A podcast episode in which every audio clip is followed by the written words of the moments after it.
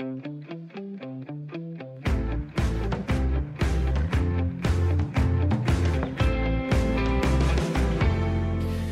sen eftermiddag, og øh, velkommen til programmet, hvor vi hver eneste uge går på jagt efter de værste syndere i sportens verden. Det er programmet, hvor vi forsøger at øh, stille skarp på noget af det korruption, malurt og andre øh, uhumske sager, der sniger sig ind i det, der ellers skulle være så dejligt rent, nemlig sportens verden.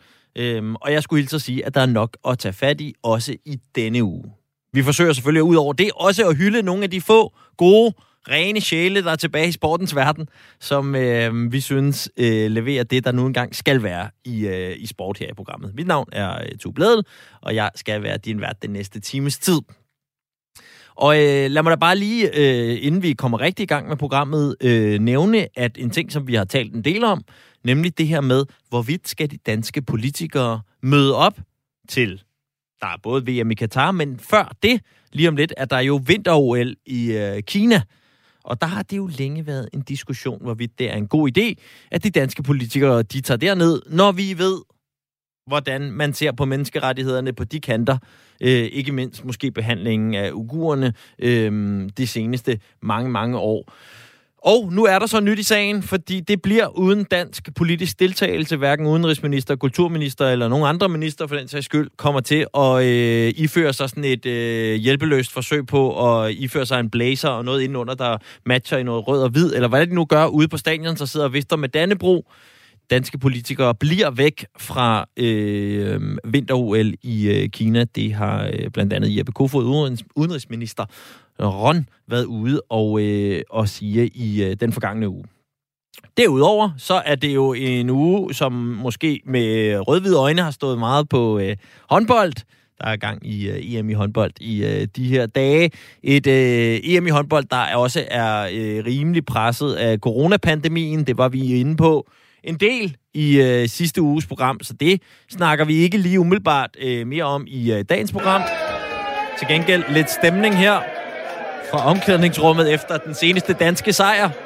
Det var øh, Makedonien, der blev øh, besejret i øh, den indledende pulje i den sidste kamp der. Og så er det øh, altså øh, danske hold med kun sejre er klar og videre i, øh, i den turnering, øh, og forhåbentlig kan drible uden om øh, coronapandemien. Så øh, lad os starte programmet i gang.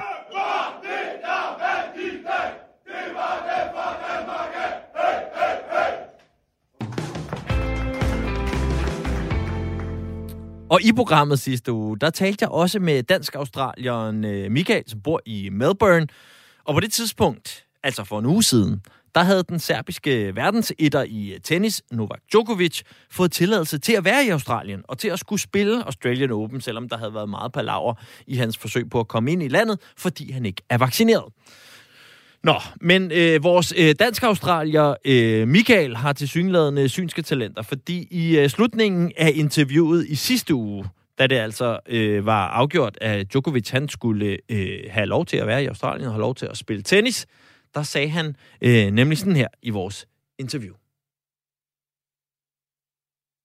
Senest nyt hernede fra, at der er meget stor chance for, at øh, indvandringsminister, som har øh, som kan øh, personligt øh, smide folk ud, kan så øh, aflyse folks visa, at det kan stadigvæk øh, ske her sent på ugen. Så der er stadigvæk en mulighed, at øh, Djokovic ikke, ikke spiller øh, på Australian Open. Og det var lige præcis, hvad der skete, i hvert fald mere eller mindre. Australien endte med at inddrage hans visum, og øh, søndag tabte Djokovic så sin ankesag i retten og blev sat på et fly hjemad. Så nu har vi igen etableret øh, kontakt til terrassen i Melbourne og til dig, Michael Bunde Henriksen. Velkommen til programmet igen. Ja, tak, Tue. Nå, øh, så fik du ret, var? Ja, men øh, det, øh, der er så meget politik i sagen, at det kunne man, øh, når man bor hernede og har fulgt lidt med begivenheder, der var de, det var sådan ret øh, øh, øh logisk, at det ville nok ske. Fordi øh, de har ladt andre folk ind, som havde corona, som ikke var vaccineret, men øh, det kunne de simpelthen ikke tillade med alt, hvad der var sket. Så det var politisk. Og øh, Michael, du er jo, øh, skal jeg måske lige øh, fortælle øh, lytterne, som sagt, det er så bosiddende i Melbourne, der har du været siden 1995, øh, eller i hvert fald i Australien. Og derudover så er du også en øh, tennisfan og har været tilskuer til Australian Open øh, flere gange. Øh, hvordan, øh, Michael, har reaktionerne været så øh, i Australien siden, at det stod klart, at Djokovic han øh, alligevel ikke fik lov til at komme ind i landet og spille tennis? Ja, det har været for det meste positivt, fordi folk simpelthen kunne ikke lide hans uh, holdning til hele vaccinationsproblemet. Øh, og øh, de har været igennem så mange øh, ja, ting hernede, at de sagde, at vi skulle alle vaccineres, for du kan næsten ikke, for, du kan ikke arbejde, hvis du ikke er vaccineret. Så de siger, hvis vi skal gøre det, så skal du altså også.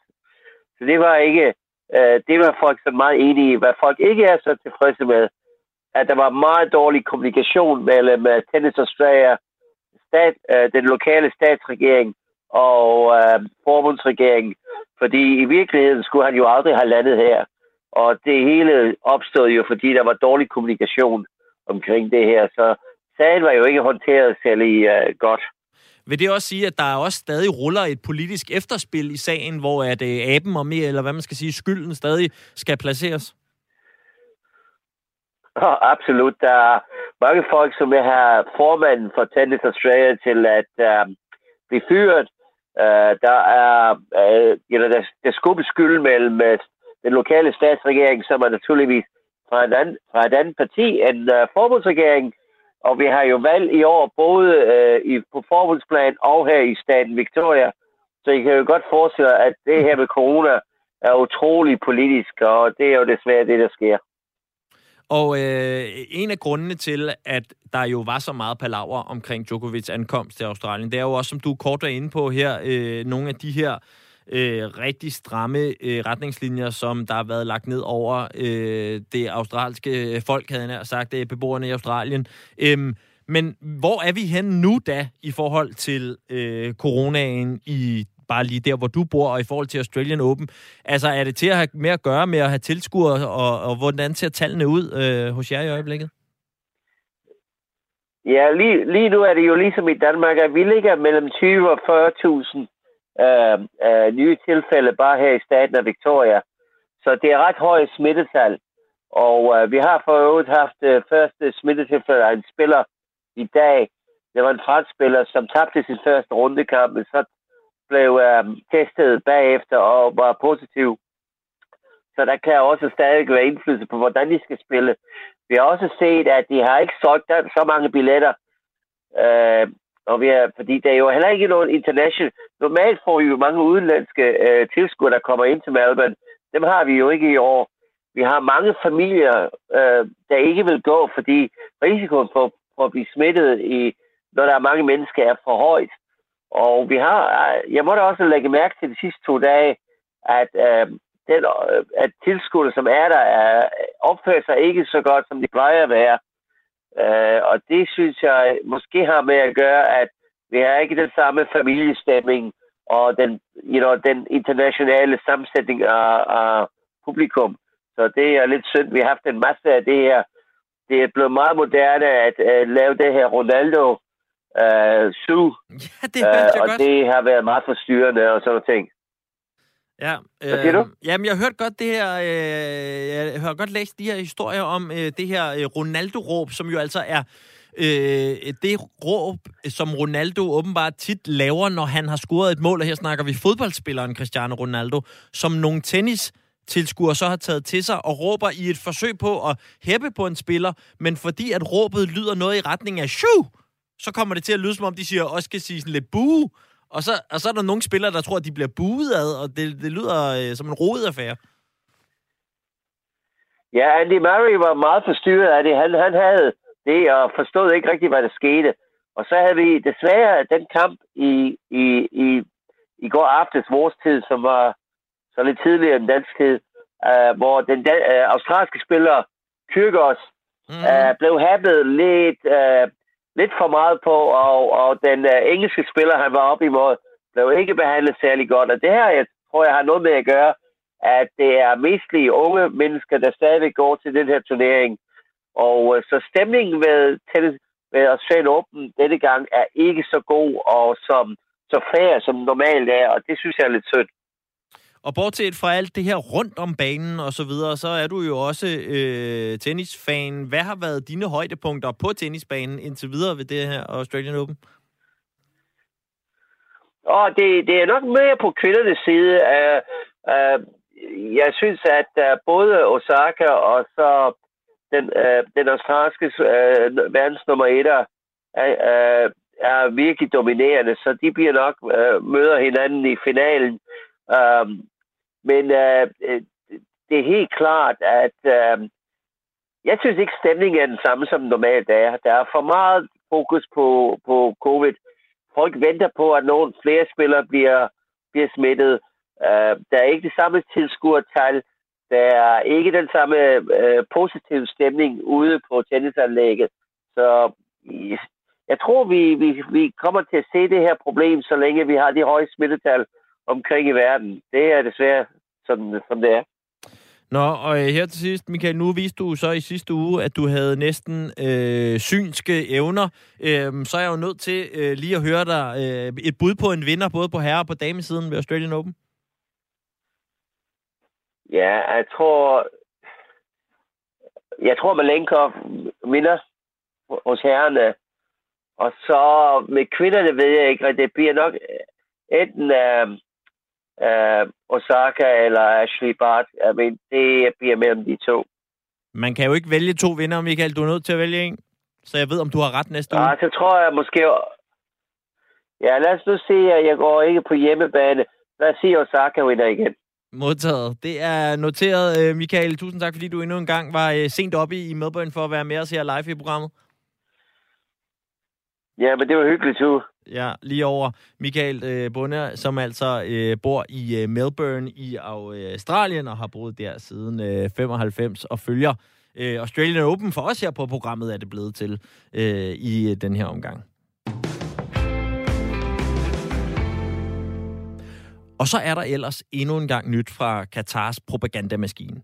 Denne gang i form af en reklame for Qatar Airways, og øh, her ser man den brasilianske landsholdsspiller og Barcelona-spiller Dani Alves, som i bar mave, ja, du hørte det rigtigt, og hvidt jakkesæt, dribler rundt på nogle af de her stadion til Katar, der har kostet tusindvis af migrantarbejdere livet.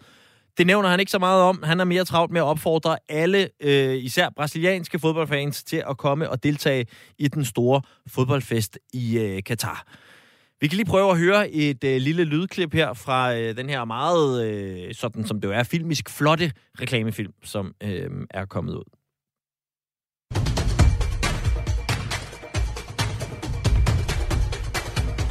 Vou ter que estar aqui de qualquer jeito. E você também pode vir comigo.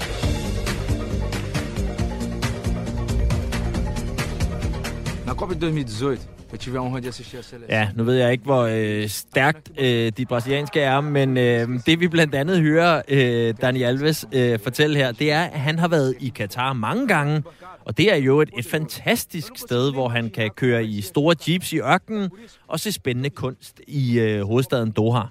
Han glemmer så øh, at komme for meget ind på det med moderne slaveri og døde migrantarbejdere og en lang række brud på menneskerettighederne. Og det tænker jeg, vi skal hjælpe Dani Alves og de gode folk hos Qatar Airways med ligesom at få rettet op på.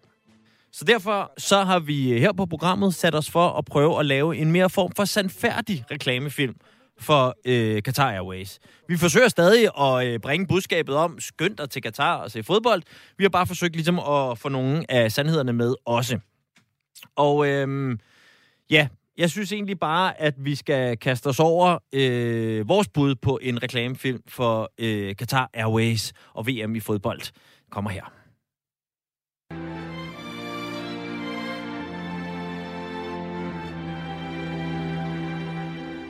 Var du en af dem, der ligesom mig heller ikke fik billetter til Danmarks EM-kampe i parken i sommer? Var du en af dem, der skrålede og dansede med resten af fodbold Danmark og tænkte, det her med at opleve inden for stadionets pulserende atmosfære næste gang, der er en slutrunde. Fordi nu vinder vi hele lortet, fordi vi er så sindssygt gode. Var du også en af dem, der tænkte, åh, gid der snart var en kæmpe slutrunde igen, hvor jeg kan juble og hoppe og skråle. Kom så Danmark igen. Så tøv ej, og book din billet til VM i fodbold om kun et år i den korrupte diktaturstat Katar. Det er sikkert svært for dig at forestille, hvordan det kommer til at blive til VM i Katar. Men jeg skal nok prøve at hjælpe dig med at få tegnet et billede, så du rigtig kan glæde dig. I Katar er det bare super duper lækkert varmt året rundt. Også når du skal afsted til VM i december næste år. Og er der noget, vi danskere kan lide, så er det sol, det er sommer og det er fodbold. Især når det er koldt og mørkt i Danmark. Når du besøger Katar, skal du helt sikkert tage tid ud af kalenderen til at besøge den vilde ørken. Du kan ride på en kamel og køre i nogle rigtig seje biler, og så kan du altid tage hjem igen, når det bliver for varmt. Det kan migrantarbejderne ikke, da de bor ude i ørkenen, der om sommeren har en normal gennemsnitstemperatur på 50 grader. Men hey, det er jo heldigvis ikke dig, der skal bo der, da du og dine gode venner selvfølgelig tager til VM for at hygge jer og drikke iskolde øl, og selvfølgelig skal sove på et hotelværelse med aircondition. Og aircondition føles bare ekstra godt, når man ved, at det er noget, ikke alle har. Det bliver især spændende at se de flotte nye fodboldstadions, som er blevet bygget af migrantarbejdere fra blandt andet Indien, Pakistan, Nepal og Bangladesh forud for VM i Katar. De har bare knoklet rigtig hårdt, for at vi kommer til at få en fantastisk fodboldoplevelse, så tusind tak for det. Over 6.500 migrantarbejdere har faktisk knoklet så hårdt, for at vi skal have en fed fodboldoplevelse, at de har mistet deres liv på den bekostning. Men det synes jeg ikke skal ødelægge den ellers gode stemning, så lad os lade være med at snakke om det. Og her kommer et andet godt rejsetip. Hvis en af de medrejsende i din gruppe er sådan en nævenyttig type, der hele tiden skal ødelægge den gode VM-stemning ved at påpege, at migrantarbejdere kun får omkring 9 kroner i timen, så kan du hilse for os i Katar og sige, at til gengæld har David Beckham, Nadia Nadim og alle de andre Katar-ambassadører fået milliarder af kroner, så på den måde går det hele jo fint op. Du kan komme til Katar uden at skulle bekymre dig om noget af det, jeg lige har nævnt. Bare glem de døde migrantarbejdere, deres løn, deres arbejdstimer og den generelle korrupte diktaturstat. Bare kom og se god fodbold i lækker aircondition, langt fra kolde, kolde vinter Danmark. Vi ses til VM i Katar. Jeg tænker ikke, der kan gå længe før, at øh, reporter Sara, der øh, havde stået for det her indslag, bliver prikket på øh, skuldrene af de gode mennesker i Qatar Airways og tænker, øh, vi hyrer dig til at lave vores næste reklamevideo. Det var vores bud. Hvis man vil se Dani Alves' bud, øh, så øh, dribler man bare ind på Twitter, og så er det øh, lige til at finde.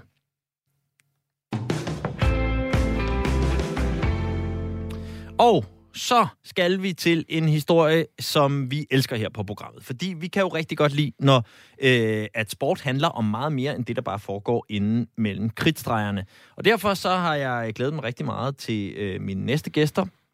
De har nemlig kastet sig ud i et projekt, som, hvis jeg skal forsøge at beskrive det kort, er at tage et satirisk sportsmedie, smide det på et fly til Sierra Leone i Afrika, og så se, om det kan være med til at sprede noget dansk fodboldglæde og støttekroner i det hårdt plade land. Det er humanitærorganisationen FAND, der øh, bruger sport til at hjælpe børn og unge i udviklingslande, som står bag det her projekt, og som så har lavet samarbejdet med det her satiriske sportsmedie, som hedder Mandsholdet, som du måske kender især fra Instagram, Facebook og øh, TikTok, hvor at øh, meget af deres indhold øh, lever. En af stifterne øh, bag Mandsholdet, og som også var med på den før omtalte flyver til Sierra Leone, det er dig, Lasse Schøber. Velkommen til programmet. Tusind tak. Lasse, øh, I dyrker jo på Mandsholdet helt vildt meget af den danske fodboldkultur. Øh, alt fra sådan noget tredje halvleg til hvad der nu ellers kan være af det der rundt om fodbold. Øh, hvordan oplevede du så øh, fodboldkulturen i øh, Sierra Leone?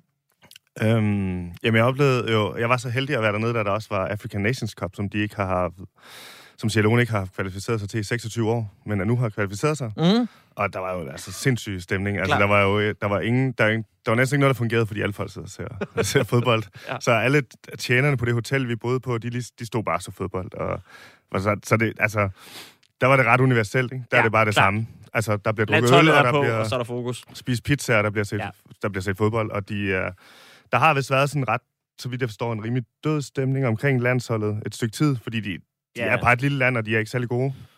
Øhm, og nu har de så bare kvalificeret sig, og de har sådan nogle forholdsvis store stjerner, blandt andet en fra Randers og en fra AGF og sådan noget. Så, så det, de, øhm, de var helt op at køre. Det var, det var fedt at se. Og når man så bevæger sig lidt ned i, øh, hvad skal man sige, fodboldniveau, og ikke længere er på landsholdsniveau, men er dernede i klubfodbolden, som I jo også dyrker, og som du jo også øh, selv kender, øh, er der da en forskel i forhold til, når man snakker dansk fodboldkultur, og så øh, fodboldkultur i Sierra Leone? Ja, mit umiddelbart indtryk var ligesom, at det er lidt mere liv og død at spille fodbold. Altså, de, er, de, går, de har meget mere, tror jeg, en ambition om, at de skal blive professionelle, at, at det skal få dem ud af problemer. Okay. Hvor i Danmark, der tror jeg mange også, de ved godt, de kommer på landshold, så de ser ligesom en måde at være sammen med kammerater på og sådan noget. Og så er det en, fandt vi jo så ud af en virkelig, virkelig god måde, de ligesom skaber et netværk på og hjælper hinanden, øhm, de her fodboldspillere imellem, og en måde ikke at lave ballade om aftenen og alt de her ting, Mm. som, som, som gør det. Og de spiller jo både på, på stranden, og det var det fede fodbold, ikke? Det, der behøver næsten ikke være noget, så kan man godt spille lidt i hvert fald. Så der var fodbold alle steder, Ja. og på vejene, og på, ja. Altså, der var en dag, hvor der al strømmen gik, og, og der ikke var mere benzin i landet, da vi var dernede. Og der spillede de bare fodbold på vejene, fordi så var det endnu Sådan. nemmere end at gå på stranden. Ja. Og hvad, øh, øh, hvad var det, I skulle dernede? Hvad var ligesom jeres, øh, ja, hvad var din egen, måske i virkeligheden, sådan et mål med at, øh, at tage derned? Udover at opleve fodboldkulturen i Sierra Leone. Jamen, det, der er jo ligesom flere strenge, vi spiller på, ikke? Det var ligesom, at vi, vi laver noget forholdsvis, øh, altså bare sjovt og underholdende, som, som på mange måder er bare er for sjov. Ja. Og derfor vil vi gerne, de gange vi kan gøre det, vil vi gerne skabe noget dybde i vores øh, platform, fordi det er, også, det er også federe for en selv at få, få det hele med, ikke? Klart. Og vi har før lavet en øl, der ligesom støttede testikelkræft, og, øhm, og så har vi, så, så var der nogle fælles venner, der satte os sammen i de her fandt, som virkelig bare sådan, I ved ikke, hvor godt det matcher, fordi vi har alle sammen sådan NGO, lidt sådan NGO-oplysningsarbejde, ambitioner, og, øh, og, og de laver det her fodbold, som passer perfekt til os, og det er egentlig at uddanne sådan nogle ledere, der står for det hele, og ligesom at være alle folks venner dernede. Og sådan noget. Så, så det, det passer virkelig godt sammen, og så er det bare sådan, vi vil også virkelig, virkelig gerne, fordi vi selv går op i, lidt op, går op i NGO-arbejde, men det virker ikke som om, at der er nogen NGO'er, der ligesom prøver at lave indhold til sådan nogen, som vi selv er. Altså 30-årige mænd, som bare godt kan lide noget underholdning, og altså, altså, vi kan godt forstå alvoren, men det behøver ikke altid serveres ekstremt alvorligt. Altså, Nej, klart, men løftede pegefinger hver gang. Præcis, og, og, og noget skal selvfølgelig løftes på den måde, men andre ting kunne måske godt løftes på en anden måde. Så, det, så hvad gør man andet end at prøve selv at bevise det? Altså, det, det så vi tog ned ligesom for at lave det. Se om I kunne lave noget sjovt materiale også. Ja, både ja, sjovt og blande med vitaminer, ikke? Men udgangspunktet var godt indhold til Ja. sociale medier, og så blande med vitaminer det omfang, vi synes, øh, det passede ind, ikke? Og hvad er Og det, hvordan er det så, når, Ja. I, når I lander, og I ligesom, du ser det selv øh, sådan med egne øjne? Er det så, ah, det bliver nemt det her, der er masser af materiale, eller var det mere sådan, fuck, hvordan gør vi lige det her? Øh, ja, altså noget var, ja, det var sådan en blanding, fordi noget var selvfølgelig sådan, okay, vi gør ikke tit grin med, at parken er dårlig. Den her bane er 100 gange dårligere, så det, det Klart. bliver nok rimelig nemt at, at, at, at, at lade som om, at, øh, at, at, eller at, at gøre grin med den der, at forholdene i Afrika kontra derhjemme. Mm-hmm. Mhm. Øhm, men så var der også, vi havde egentlig planer om, at vi sådan skulle have et hold dernede, så det var meget noget nemmere at forstå, at vi støttede et eller andet hold. Ah ja, Men, men sådan var de ikke helt organiseret, så det var jo ligesom de her trænere, vi kom til at fokusere på, som vi nok kommer ind på senere. mm. Øhm, så det var sådan en, hvor man skulle lave det om, du ved, tænke på fødderne, ikke? Altså ligesom finde ud af, hvad, hvad skal der ske, når vi kommer ned? Og så var det bare at være i, i slumområderne, eller det der, det der, jeg ved ikke engang, hvad det hedder, tilfældig bebyggelse, det her, der ligesom er i byen, hvor folk er meget, meget fattige. Det var også meget ekstremt, så man skulle også lige... klart. Vi havde den første dag, var vi bare dernede for Ja. lige sondere terrænet, få indtryk, hvad, er- hvad, er- hvad, er- hvad kan man gøre sjov med, hvad minder om Danmark, men på, en- på en anden måde, og hvad, hvor ligger parallellerne hen? For det er meget de paralleller, vi går efter. Altså lave indhold til folk. Vi laver indhold til folk derhjemme, så de vil jo, vil, de steder, hvor vi kan spejle det. Se, det her, det minder om jeres øh, pølse på stadion, det er bare en grebfrugt. Ja. Men, og sådan noget, ikke? Det, det, det, det prøvede vi at fokusere meget på. Og øh, for eksempel var der en ret sjov detalje dernede, det var, at øh, der fodboldspillerne fra Barcelona skal tænke over, hvordan de jubler, fordi at det skal kopieres af unge mennesker derhjemme. Og derfor kan du ikke lave glidende jubel. Fordi der er ikke, banerne er ikke til at lave glidende jubel. Nå øh, nej, hvis man scener spiller på, på gaden for eksempel, så Ja, er det så gør det Præcis, ondt eller på de her grusbaner, som der er der mest, eller sand, eller hvad det er, Ja. man skal kalde det. Det her røde, øhm, tørre, noget de spiller på. Øhm, så derfor så lavede vi blandt andet en video, hvor man ligesom viser den her Brian Laudrup-fejring fra VM i 98, hvor han glider hen ad banen og lægger sig ned, øh, og så viser vi ligesom banen med nogle afrikanere og siger, vi kan, altså, det kan vi ikke her, det er fuldstændig smadret. Og de fortæller også alle sammen, at de altid har de her, som, alle, som folk kan kende, der spiller i kløvermang, også, men altid lidt sår på hofterne og, Klart. og skinnebenene, ikke? Ja. Nå, sjovt. Øh, og hvad, øh, når I så står der, øh, det der med så, øh, altså modtagerne i, er jo så nogle hjemme i Danmark, men dem I skal bruge til at lave noget af det her materiale med, og prøve at se, om man kan formidle de trænge kår, også som øh, for øh, fodboldspillere i øh, Sierra Leone. Det er jo så nogle af de lokale. K- kunne de med det samme godt forstå, at de har vel også været vant til den anden slags NGO-arbejde, hvor nogen kommer ned og sådan noget med noget, øh, et eller andet noget øh, undervisning og sådan noget der. Altså, hvordan, hvordan reagerede de på, at I kom og skulle ligesom forklare dem, at vi skal egentlig mere prøve at lave noget sjov sammen her? Jeg synes egentlig, Fand havde gjort et ret godt kommunikationsarbejde inden. Altså sat de der træner ind i, at det ikke var ligesom det plejer. At Ja. det faktisk var... Jeg tror også, det var nemmere for dem, fordi det var egentlig bare at du ved, lave nogle tricks, eller spille bare på den her bane, så vi kan vise, at banen er dårlig. Og sådan noget. Altså, det, er det, det er sådan, på den måde var det rimelig simpelt for dem, og, så, og de virkede faktisk til, at de synes ægte, det var sjovt at være med. Og så kan det jo godt være, at konteksten er ekstremt svær at forstå. Det er det selv, hvis jeg skulle forklare det her. Det er jo sådan Mhm. lidt, du sagde det selv, sådan, det kort sagt satirisk medie, der bliver sagt. Du ved, det er jo ikke bare lige til at forstå, så Nej. Så de, det var ligesom at få dem til at forstå, hvad de var med i, og at, hvordan, det skulle, hvordan det blev behandlet på nettet, og at det ligesom var for at skabe øh, mere awareness, end det var... Det er jo ikke en akut situation, det er jo bare sådan, det er dernede. Ja. Så det er ikke ligesom det der med, sådan, det er sådan her nu, og alle facts skal være, altså, leveres, fordi det er øh, Afghanistan eller et eller andet. Ikke? Her er det sådan lidt mere, det er ongoing, og det er, det er hverdag, så det var, det var ikke... For dem var det ikke specielt alvorligt at være med. De synes bare, det var fedt, mega. Klart. fedt at lave nogle tricks og se sig selv på blive lagt op og sådan noget. Ikke? Og med på en øh, linje, der har vi nu også øh, fået kontakt til øh, dig, Morten Krone. Velkommen til programmet. Tusind tak skal du have. Øh, Morten, du er jo øh, bestyrelsesformand i øh, FANT, altså øh, organisationen her, som øh, sammen med øh, mandsholdet har fået det her projekt øh, op at stå. Altså, øh, jeg forbinder jo meget mandsholdet med sådan noget internetshow og memes, og måske noget indhold, der går godt med en håndbejer. Øhm, ja. Altså, hvad, hvad, var, hvad var jeres overvejelser i forhold til at øh, smide dem på den her flyver til Sierra Leone? Jamen altså, der var ikke, der var ikke sådan de, de vilde overvejelser. Øh, ikke andet end, at vi synes, at øh, mandsholdet var rigtig sjovt. Og øh, så havde vi selvfølgelig faktisk, vi havde en snak i bestyrelsen om, om er der noget af det her, som mandsholdet laver, der, der er lige over grænsen også, som vi ikke kan stå indenfor. Øh, og det var der ikke. Altså, der er masser, der er over grænsen, men ikke noget, vi ikke kan stå, stå indenfor, fordi det skal jo også være sjovt. Og jeg synes, det ville være ærgerligt, nu er vi alle sammen enige om, hvis, øh, hvis, vi, hvis vi begyndte at tage os selv for højtidligt. Altså, vi har, vi har vores mm, formålsparagraf, eller i vores kernefortælling, har vi skrevet ind, at det skal være sjovt at være med i fand, og det skal være sjovt at samle penge ind. Øh, Så på den måde øh, var det, var det totalt øh, oplagt at, at lave det her øh, uoplagte samarbejde. Og øh, Morten, hvis du lige skal prøve at riste op, jeg ved også, du også selv har været der øh, nede, men, mm. men hvis du ligesom skal prøve at rise op for os, hvad situationen er for, ja selvfølgelig både de øh, unge mennesker, der øh, kommer og spiller fodbold, også der, hvor I er engageret, men sådan i de unge mennesker i, øh, i Sierra Leone. Øh, hvordan vil du så beskrive det? Jamen, det er et af verdens fattigste lande, og øh, når man er meget fattig, så, øh, så er skolegang ikke nødvendigvis det, man prioriterer først. Øh, det er heller ikke sådan noget som at øh, samle affald, eller som at, øh, øh, have, altså, som, at, som at lave andet end det, der lige giver mening fra, fra dag til dag. Altså, det, derfor så er der mange unge mennesker, der er også øh, voksne mennesker, som prioriterer at, øh, at måske blive hjemme fra skole, hvis situationen er lidt øh, svær, og der er brug for, at de får høstet nogle penge ind, eller sådan et eller andet. Og det er jo selvfølgelig ikke gavnligt sådan for den store udvikling i Sierra Leone.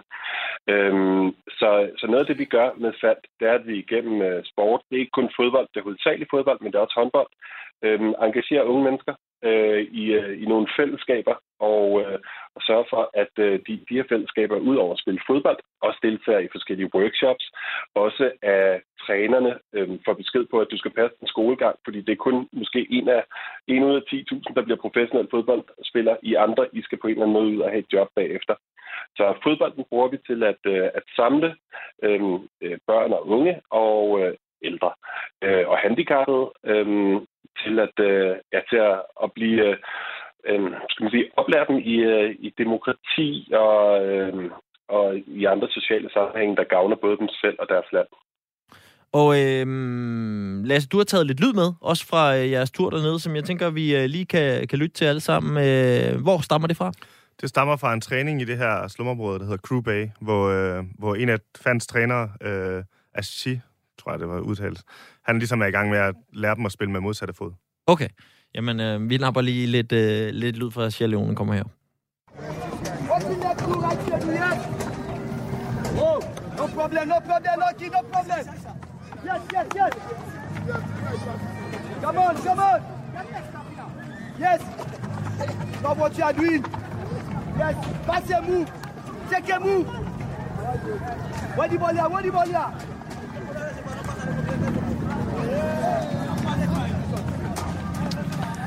Lasse, kan du ikke prøve at øh, lige tage os andre med øh, ud over lydsporet? Øh, hvordan ser der ud her på øh, træningsbanen, mens der bliver kommanderet? Jamen, det er jo faktisk et ret vildt sted, fordi det ligger jo inde i byen, men ud til vandet, det her Crew Bay. Mhm. Mm-hmm. Og det er ligesom, om det ligger nede i sådan en slugte.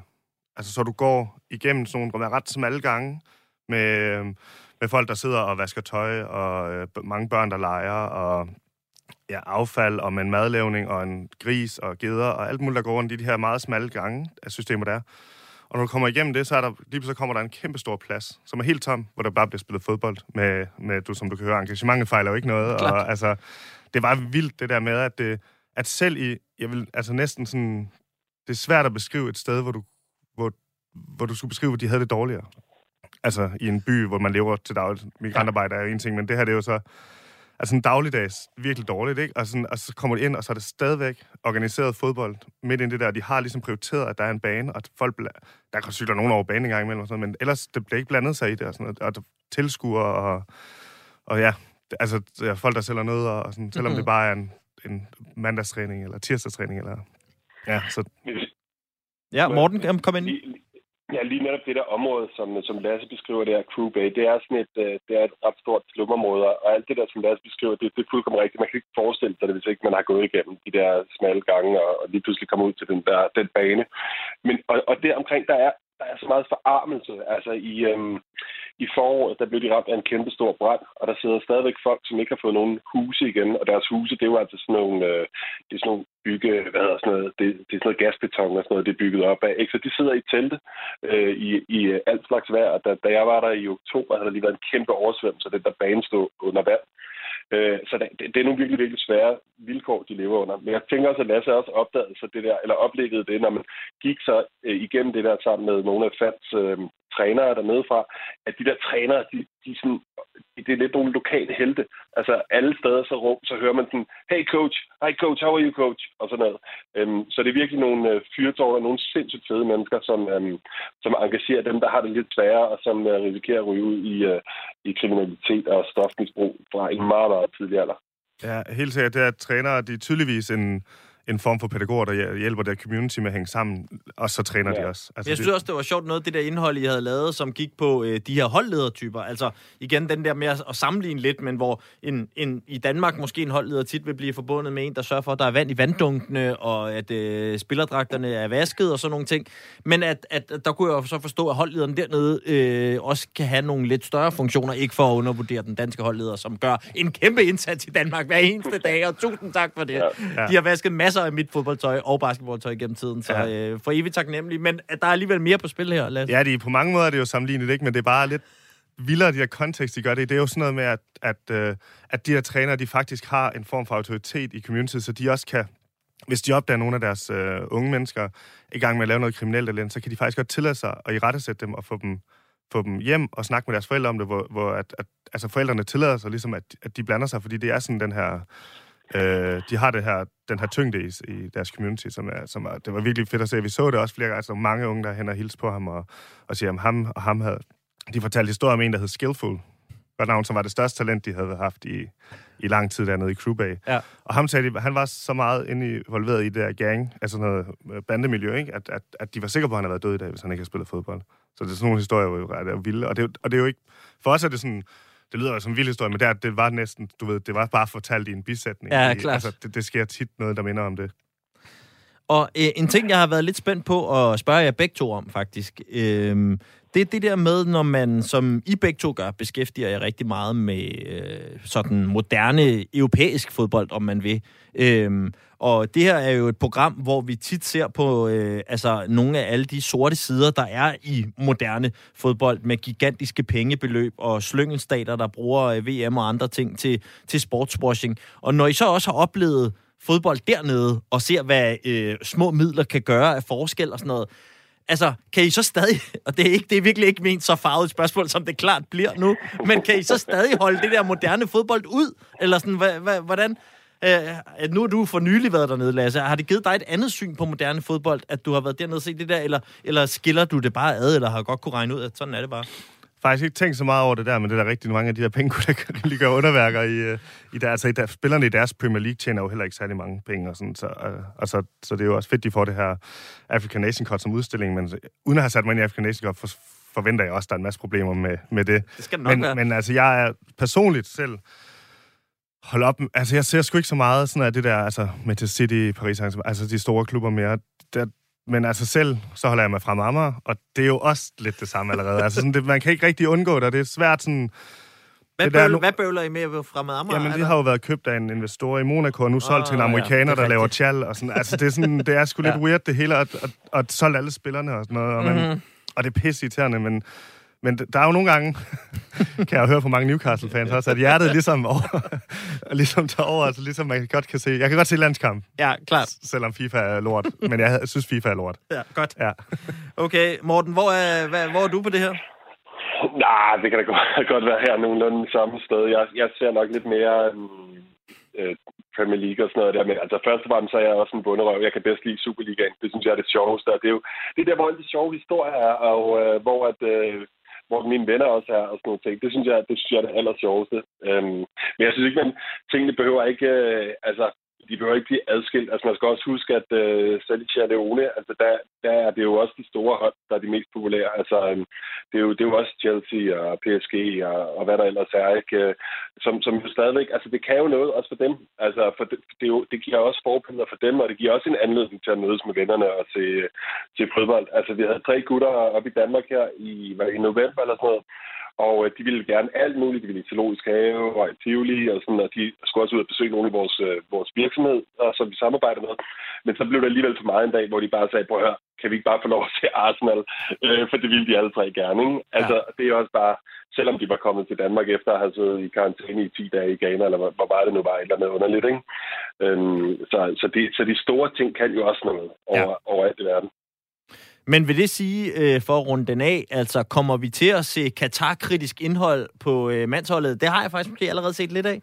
Ja, der kommer både nok til at være Katar-kritisk indhold, der kommer til at være øh, FIFA-kritisk indhold, men der kommer også til at være fuldstændig blind hype omkring øh, Joachim Mæle ja, samtidig med. Jeg havde heller ikke for, forventet andet. Og, ja. og apropos Joachim Mæle, så kører der jo en, en, en tuk-tuk uh, rundt uh, ned i uh, Sierra Leone nu, ikke? med prinsgemalen uh, skrevet bagpå.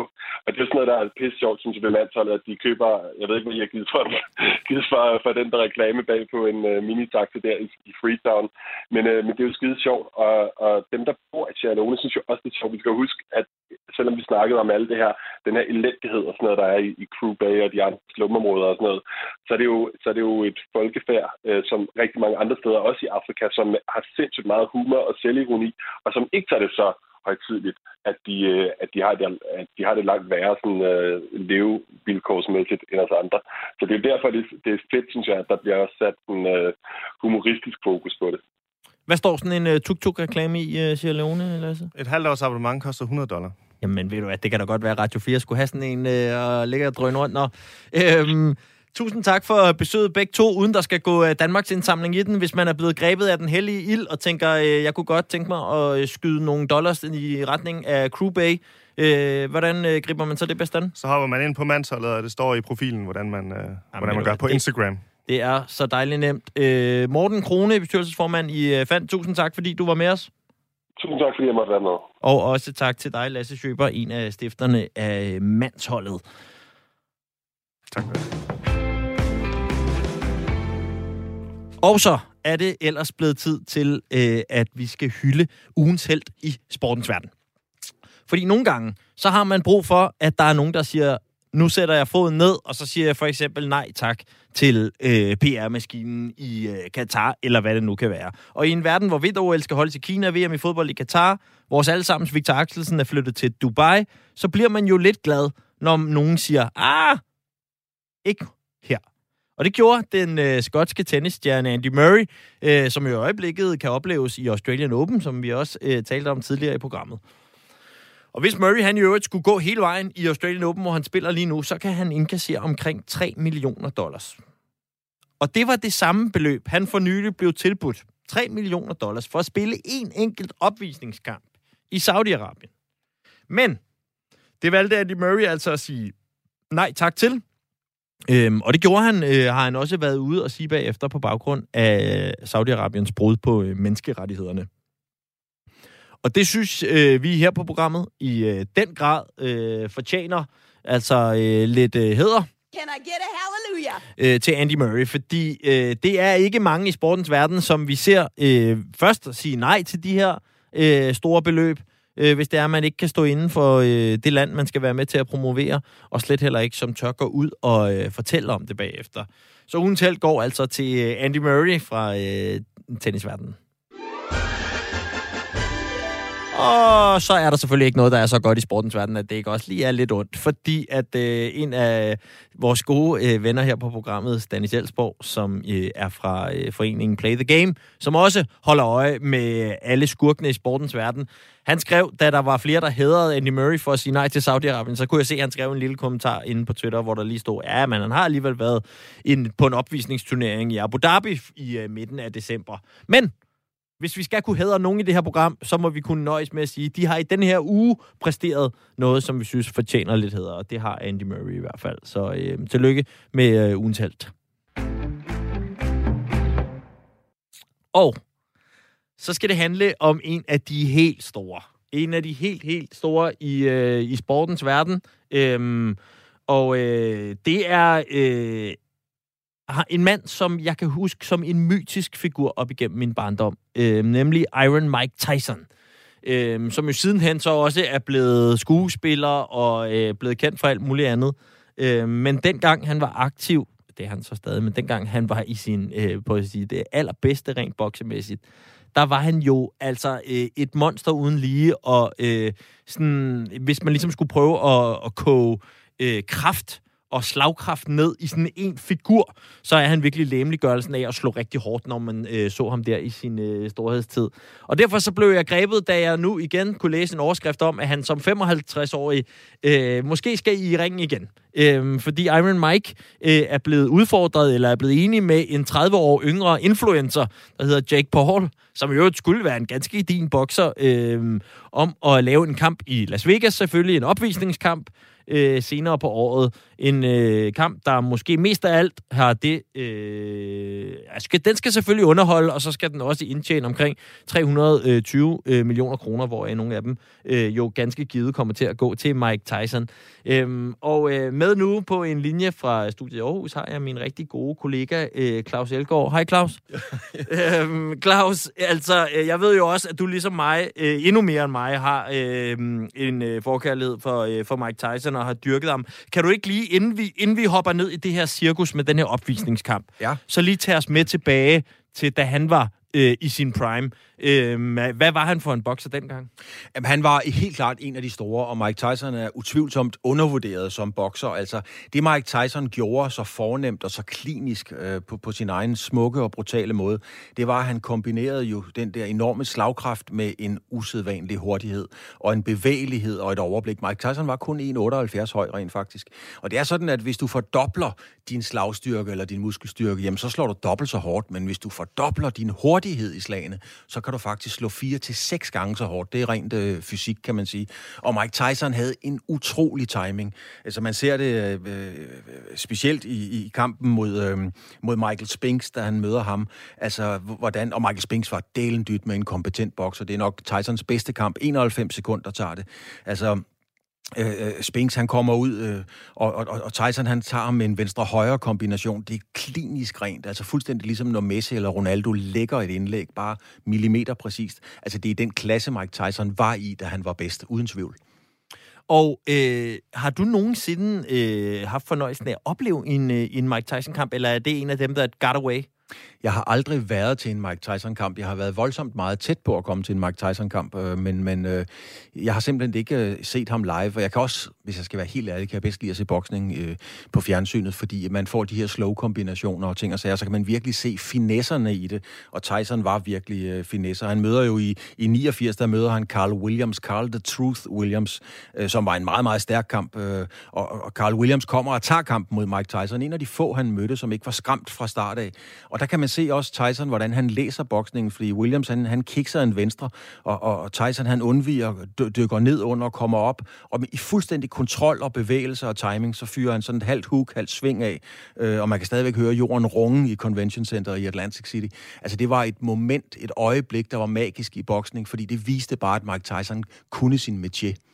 Ja, så, så den her øh, måske lidt gængse øh, opfattelse, der kunne være af Mike Tyson som en, øh, en, der mest af alt bare havde altså en overarm, der var på størrelse med begge mine lår til sammen, og dermed bare kun havde det der med at kunne slå hårdt, det, det er faktisk fejlagtigt. Det er meget fejlagtigt, fordi det kunne de alle sammen, og, og altså, de slår alle sammen hårdt derop. Man ved godt, man siger om, om bokser, nogle arm, han slår ikke så hårdt, men jo tak, de vejer 112 kilo, de slår hårdt, de slår hårdt nok, ikke? Jo. Men Tyson var hurtig, han var forudsigelig, eller, eller forudseende, og han var, han var bestemt ikke forudsigelig, men han kunne læse boksningen på samme måde, som, som, som vi ved, at, at Messi kan læse spillet. Han tænker indlæg, hovedstød, hovedstød, der står jeg, mål ved, ved, ved bagerste stolpe.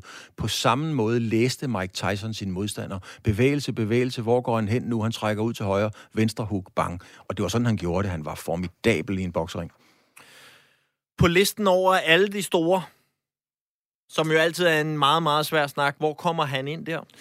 Ah, den, var, den, uh, tu, den, uh, den er hård lige. På paratviden, der skal jeg sige, altså, den første liste, mange vil lave, det er jo Rocky Marciano, det er Muhammad Ali, det er Roy Jones, Julio Cesar Chavez, De La Hoya, Floyd Mayweather, Mike Tyson.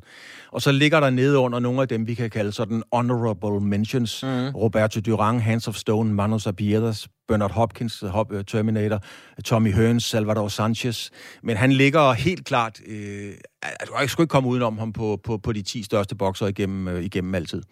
Og når vi så ser på hans øh, karriere, øh, og når vi så går hen mod slutningen øh, af hans karriere, øh, altså en ting er, at han så nu øh, stadig er i spil til noget opvisningskamp, men altså, der er måske mange af os, der husker ørebideriet. Ja, og der kan jeg faktisk fortælle en, øh, en lille historie. Jeg, det er ikke ret mange, der kender den, men, men, øh, og den er sand, fordi man kan høre det på lydoptagelserne. Men det er jo mod, øh, det er faktisk mod Holyfield. Det er den 28. juni 97. De bokser på MGM Grand i, øh, i Las Vegas, Nevada. Øhm, og, og Tyson er frustreret. Øh, Holyfield, han stanger hele tiden. Han kommer ind, han nikker ham skaller i nakken, på kinden hele tiden. Og Holyfield er klog. Han gør det for at irritere Mike Tyson. På et tidspunkt, så tager, så tager Tyson jo fat i Holy, Holyfield, da de er infight, og så siger han til dommeren, Dommeren er den legendariske ref, uh, Mills Lane, som i øvrigt også er, er, er dommer ude i det civile liv. Uh, han siger til, til Mills Lane, altså han citerer ordret, ref, he's headbanging me all over the place, you ain't got no eyes here. Og så kigger Mills Lane på ham midt i kampens hede, og så siger han bare, it ain't your night, Mike. Og det er altså virkelig et citat, der vil noget. Men han svarer midt i kampens hed, it ain't your night, Mike. Og så går Mike fuldstændig amok og bider, og bider øret af, af, af, af Holyfield. Og det er jo noget af det, som er, som er det magiske i boksning. Det er jo den sidste bastion. Altså bokse verdensmesteren, super verdensmesteren i sværvægt, det skal jo være noget mytisk. Det er den sidste bastion. Hvis han falder, så er det væk. Og Mike Tyson var, han var folkets... Øh, han var folkets verdensmester. Muhammad Ali var folkets verdensmester. Joe Louis var folkets verdensmester. De var autentiske. Mike Tyson var eddermame autentisk. Og det var Ali, og det var Joe Louis også. Hvis du, hvis du tager den anden ende, så har du jo Klitsko-brødrene, sindssygt dygtige bokser. Mm. Lennox Lewis, sindssygt dygtige bokser. Men de var ikke autentiske. De var sådan lidt sy- sy- syntetiske konstrueret, og de blev aldrig folkets mester. Og, og Mike Tyson var med til at bevare myten øh, på, på, i, i boksningen og i sporten på samme måde, som det er vigtigt, at Brasilien bliver verdensmester i mellemrum i, i fodbold, for at bevare det mytiske omkring det. Og det gjorde Mike Tyson, dels ved at være den person, han var, men også ved at være en sindssygt dygtig bokser. Og hvad så med den her kamp nu, som vi måske skal øh, se senere på året med en øh, influencer over for øh, den øh, øh, stærkt aldrende 55-årige Iron Mike, i hvert fald i boksesammenhæng. Øhm, hvordan har du det med den kamp, Claus? Jamen, jeg, det, jeg er blevet spurgt af rigtig mange medier om, hvordan jeg har det med den slags kampe i det ja. hele taget. Iron Mike var jo også inde med Roy Jones Jr. og sådan mm-hmm. ting, og det er jo, øh, altså, det er jo et freakshow, det er den skækkede dame, og med alt respekt, prøv at høre her, Mike Tyson, altså, hvor kan han gå hen og samle 200 millioner ja. op, måske endda mere? Selvfølgelig gør han da det, det er det, drengen kan. Mike Tyson, han kom fra ghettoen, hans bedste venner, det var duer. Man skal se et portræt af ham, hvor han sidder op på taget i sin prime sammen med nogle duer, og så bliver jeg spurgt, hvorfor sidder du her? Fordi sammen med duerne, de kan ikke, der er ikke noget ondt i dem. Det var det eneste sted, han følte sig hjemme. Nu kan drengen gå ned og samle 300 millioner op. Øh, selvfølgelig gør han det. Nej, jeg synes, det er en, en, en skændsel for sporten. No harm done øh, mod dem, der tjener pengene. Mm. Men, men dem, der, der promoverer det, det forstår jeg sgu ikke. Og er det en trussel øh, mod sporten? Fordi det er jo en af de sportsgrene, hvor de her showkampe øh, fylder relativt meget i forhold til det, der så er i, øh, sat i system i, i forbundene. Jamen altså, jeg er spændt på, hvor lang tid folk bliver ved med at købe den. Fordi i starten, da jeg øh, kom hjem, havde boet i Israel, så var der kommet amerikansk brydning. Og jeg troede jo, øh, at man faktisk slog på hinanden og trådte på hinanden og alt det der. Så kunne man jo se lige pludselig i slow motion, at det var et stort show. Og det kan de jo også se med de her kampe. Altså, da Mike Tyson møder Roy Jones, de knaller til den, men de, de er jo så dygtige, så de slår jo ned på hoften, så de rammer, når de slår virkelig hårdt dybt, så rammer de på hoftebenet. Og der kan du slå dem med en, øh, med, med, med, med en boldsaks, uden der sker noget. Ikke? Så det er de jo dygtige til at lave, men, men når folk gennemskuer, at det ikke er alvor, hvis de slås om det her, så bliver øh, vores YouTuber-ven der, han bliver, altså, han bliver jævnet med jorden fuldstændig. Han har ikke en jordisk chance for at stå imod det, Mike Tyson han kommer med. Så jeg er spændt på at se, hvordan de vil skære den. Altså, mm-hmm. og, og hvis de bliver i det show der, så kan de jo lige så godt sige, at vi får det samme for det. Lad, lad, lad nu være med at komme til skade. Men, men sådan en som Jake Paul, hvis, nu, hvis man kigger altså helt objektivt, uden at være sarkastisk på det, så svarer det jo til, at du tager en, en serie 5 fodboldspiller, og lige pludselig lader ham træne med øh, Real Madrid op til en Champions League-final. Altså, altså lige så meget som den Serie 5-spiller ville falde igennem, når de spillede i firkant. Ligesom, lige så langt er Jake Paul boksemæssigt fra Mike Tyson. Altså, du, du kan slet ikke sammenligne det. Det er to fuldstændig forskellige verdener. Og når vi så en dag øh, skal øh, sætte det endelige punktum i øh, Mikes karriere, øh, hvad er det så, vi kommer til at, øh, at huske ham på? Vi kommer til at huske Mike Tyson for det liv, for det autentiske liv, han levede. Han levede et hårdt liv, og det er en, en, en, en kliché af dimensioner, men det er klichéer ofte, to, der beskriver virkeligheden bedst. Man kan godt tage en dreng ud af ghettoen, men du kan ikke tage ghettoen ud af en dreng. Og det var præcis det, der skete med Mike Tyson. Du kunne give ham diamantringen og store biler, men han var stadigvæk den der onde dreng fra ghettoen. Han prøvede at gøre det så godt. Han satte sig op og græd hos sine duer og lidt efter nogle venner, da hans øh, mentor og træner, Gosta Martu, døde. Der var han virkelig, virkelig på røven. Han lod det gå ud over dem op i ringen. Vi vil huske ham som den, der, der gav næring til den amerikanske drøm, The Last Stand. Hvis den vision, hvis den tanke falder, så er vi på røven. Det er alle os romantikere, så har vi ikke rigtig meget at hænge troen på. Det gav Mike Tyson liv til, at det kan lade sig gøre. Der er en chance, man har en chance derude. The American Dream, den er for real, den er derude, og Mike Tyson, han udlevede den. Og det sagde altså øh, Claus Elgaard, som udover at være min gode kollega her på øh, Radio 4, øh, også er øh, boksekommentator gennem øh, rigtig, rigtig mange år. Claus, tusind tak for, at du lige var med til at huske os alle på, hvorfor det er, at Mike Tyson stadig retfærdiggjort øh, at få en, øh, en overskrift i, øh, i medierne. Tak fordi jeg måtte. Selvfølgelig, sagde altså øh, Claus Elgaard fra vores øh, studie i Aarhus.